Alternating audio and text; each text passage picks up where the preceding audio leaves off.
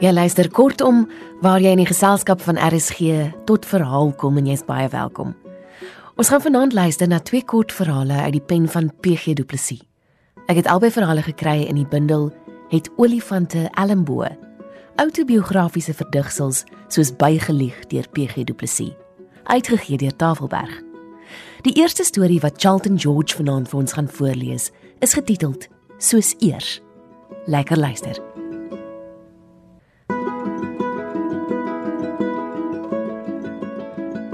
Jy moet die gesig daarvoor hê.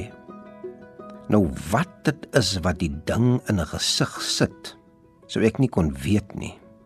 Maar as hy daar is, dan is hy daar en dan lê jy. Ek praat van 'n uitpak gesig.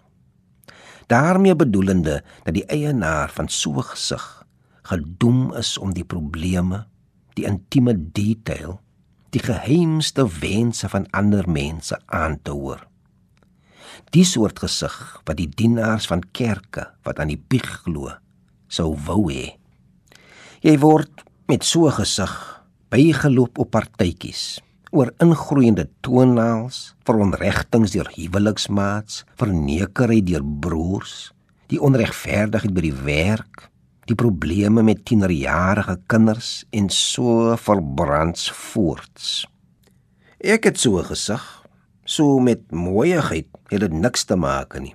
Seker meer met my vermoë om almal maar aan te hoor en die ongeloof uit my oë uit te hou. Soos die dag toe Sarina haar liefde vir Lewis oor middagete begin bieg het. Dit was op 3 dae na 2 jaar gelede. Nou ken ek Louis. Hy's 'n man van gewoontes. In sy woonstel lê die klere en die skoene ook maar hoopies om die bed. Die skottelgoed hoop op in die wasbak tot hulle op is. Die plate se omslag word nie weer omgesit na die speel nie. 'n Prent wat skeef hang, doen dit maande lank. Gloeilampe word net vervang wanneer die donker Louis daartoe dwing. Toe kom sê Sarina my oor die ete, hoe lief sy Louis het. Hoe die ding al jare in haar was sonder dat sy dit besef het. Sy klink soos 'n Milton Boone slot. Sy was so lank verskriklik alleen in die aand.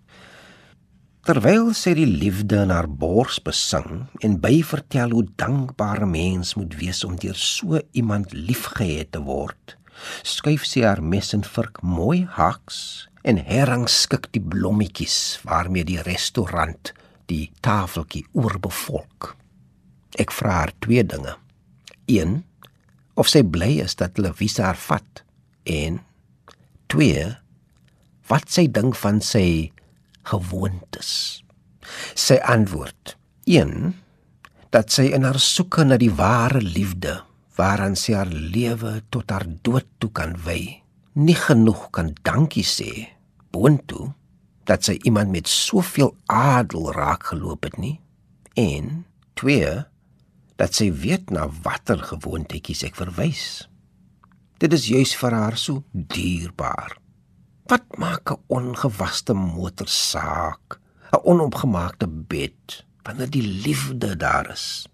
Vir haar is juis die ontspanne manier waarop Louise die lewe hanteer so pragtig veral omdat sy al soos 'n regte ou jong nooi begin oorgeorganiseer raak het. Vir haar is dit 'n verlossing van oormatige aandag aan onbenullighede. As dit dan moet sal sy maar vir hom die telefoon betyds betaal met liefde. Sy wil die stadium van hulle liefde aandui en sy sê dat sy so van sy wakker word hou. Ek en Lewis was saam in 'n koshuis Lewis kry sy positiewe eers na 10 minute. Tot dan soek hy na sy tandeborsel en hy hang lank aan die kant van die wasbak voor hy oorgaan tot borsel. 'n Jaar na die dag van haar ontboezeming, reeds 10 maande getroud, het ons weer saam by dieselfde kongres. Ek haal my big gesig uit en ek vra haar twee vrae. 1 of sy bly is sy het vir Louise gevat en 2 of sy lekker saamleef met sy gewoontes. Sy antwoord: 1 dat sy soms nie meer so seker is of sy en Louise werklik vir mekaar bedoel is nie. En 2 dat dit nie lyk of sy hom uit sy onnetheid sal kan kry nie. Ek moet sien hoe lyk die motor waarmee sy vandag moes ry en sy sal nie die hoop rommel in die garage vir hom gaan oprem nie. Sy het besluit om nie meer 'n enkele stuk klere agter hom te loop en optel nie. Hy kan dit self doen en as die man net in die oggend so 'n ordentlike mens wil wakker word. Vanjaar 2 jaar na die huwelik by die kongres vra ek Sarina oor die ete twee vrae. 1 of sy bly is sy kan haar lewe met Lewie deel en 2 of sy lekker saamleef met sy gewoontes. Sy antwoord 1 en 2 dat sy siek is om met 'n vark saam te leef wat in die oggende soos 'n afkop honderde kere moet gaan voor hy wakker is. Sy is siek vir 'n afgesnyde telefoon, 'n vuil kar, klere in die gang. Sy kan hom nie meer uitstaan nie. Die huwelik was 'n fout. Hulle pas net nie. Omdat ek 'n bieg gesig het, voorspel ek hiermee die antwoord op volgende jaar se kongres. Dit kan twee dinge wees. 1 Hy moet nou maar opvoeder. Ek stel regtig nie meer belang nie. Maar ek is te bang vir die ou alleen om te skei. Of twee, ons is toe geskei. Dit was nie so erg nie. Maar die alleenheid vang my verskriklik as dit aand begin word. Soos eers.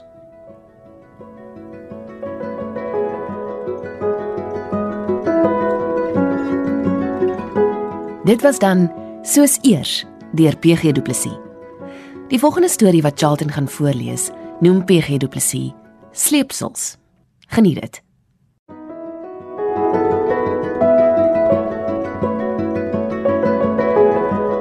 Vang jy vis van die rotse af, verloor jy lyn.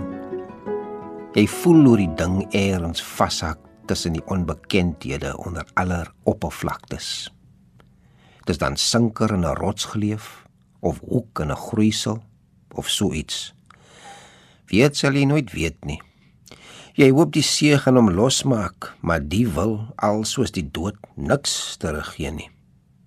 Dan draai jy maar die lyn om die stok en stap terug totdat die soveel kilo breekkrag sy molekulêre verlange laat vaar en breek. Jy katrol 'n gewiglose, willose, agtergeblewe verbindinglose stuk vislyn in. Jy laat 'n stuk nylon in die see. En dis sal hom wel bewoel en bewerskaf tot hy so in homself gekoek het dat hy 'n onontwarbare kruinesbolletjie word. Of dalk God dank onder die oppervlakte sal 'n see ding hom optel en lank, te lank met hom saam sleep. Dis die een kant van my storie.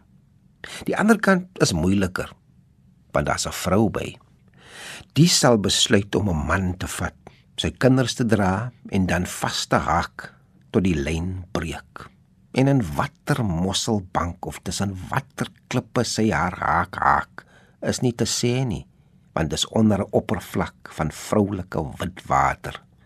Selfs met die diepste eb tussen springgetye sal jy daardie sinkers nie kry nie of haar gewese verbinding 'n bolletjie kruines word in haar, dis sal jy ook nooit weet nie, want hulle spoel nie uit nie. Dis die ander kant. Hoor nou. Ek en 'n vriend sit op 'n mooi oggend op Mosselbaai teen die see. Daar kom 'n man en 'n meeu verby. Die meeu hang in die bries, soos meeue maak, en aan sy een poot bries gewys, blink daar 'n stuk vislyn. Hy is elke dag hier, die ou, sê my vriend, die restauranteur wat 'n strandrestaurant besit en koeldrankkaste tot maar en rykwordings toe deur die see skoonheid dra. Die meeu ken sy storie en sy lyn. Hy hanteer sy aanhangsel. Hy loop om kyk om kyk as daar klippe is. Hy land net waar sy lyn gemaklik lê. Hy gaan nooit die rowwe klippe in soos die ander nie. Hy vlieg nooit laer as 2 meter bo die klippe nie. Die lyn aan die meeu se poot lyk vir my so 2 meter lank. Van die kinders wat daar rond speel, sien die arme meeu met die vislyn aan die poot en probeer hom help. Almal probeer help, sê my vriend. Die meeu kry nooit baie rus hier op die strand nie. Hy is die mees bekrypte meeu hier rond. En partykeer moet hy daar bo gaan sit vir 'n bietjie vrede. Tot sover die meeu. Nou die man. Hy het toe al uit sy woonwa gekom en hy loop strand langs. Agter hom aan tou drie seentjies. 7 5 3 lyk hulle. Soos hy aanstap, loop hy omkyk, omkyk en hy sorg dat die kleintjie nie te ver agter raak nie. Hy verskree hulle van die klippe af. As een by 'n poeltjie vashak, kom maak hy hom los voor hulle verder stap. Hy loop wyd om die klippe. Vrou het hom gelos, sê my vriend. Kinders ook, net so. Nou toe hulle maar so agter hom aan waar hy ook al gaan en almal probeer help. Daar oor die welsyn werkster nou net weer toevallig en onverwags stil by sy woonwa. Hy is die mees bekruipte man in die woonwa park. Om 'n bietjie rustigheid te kry, gaan sy by soms daarbo en as hy dronk is, kla hy oor die lyn aan sy poot en nie oor tollige hulp Die ooreenkoms tussen man en meeu lê so voor die hand dat ons glimlag. Niks subtiels in die storie nie. 'n Man sleep die reste van 'n verlede saam, 'n meeu 'n vislyn. Albei word deur helpers gepla. Albei lê. Daar's 'n storie aan die ding, sê my vriend. Sonder slot, sê ek. Die meeu hang hoër as 2 meter bo die klippe. Die man skree sy toutjie om, kyk om, kyk van die klippe weg en kyk die skraal lywe onder die son mis. Snaaks. Betekenisvol. Sonder slot. 'n Jaar later daal ek weer daar af in my vriend se see skoonheid in en die oggendson skyn. Die meeu hang in die bries. Ek verneem na die toumeeu. "Eh," sê my vriend, Dis toe gevang en verlos van sy sleepsel. En die man? Nee, sy gewese skoon familie maak nou die kinders groot. O, oh, sê ek. Geen slot nie. Jy sal die meeu sien, daar sê. Hy vlieg nog hoog bo die klippe, meer as 2 meter minstens. Die man kom verbygestap en hy kyk telkens onrustig om toe hy by die klippe verbyloop. Dis die slot, sê my vriend. Net Die storie kry nie end as die aanhangsel of die pyn lank genoeg by jou vas nie. Die slot hou aan. Jy moet jou sleepsel, sê ek. Ja, jy moet hom, sê hy. Die meeu kyk na 'n klompie kinders wat hom nie wil bekruip nie. Die man sien die GG motor verbyry. Die meeu gaan sit maar hoog. Die man draai kroeg toe. Dis 'n slot wat aanhou. Daar's wit water oor slotte en oor vashak.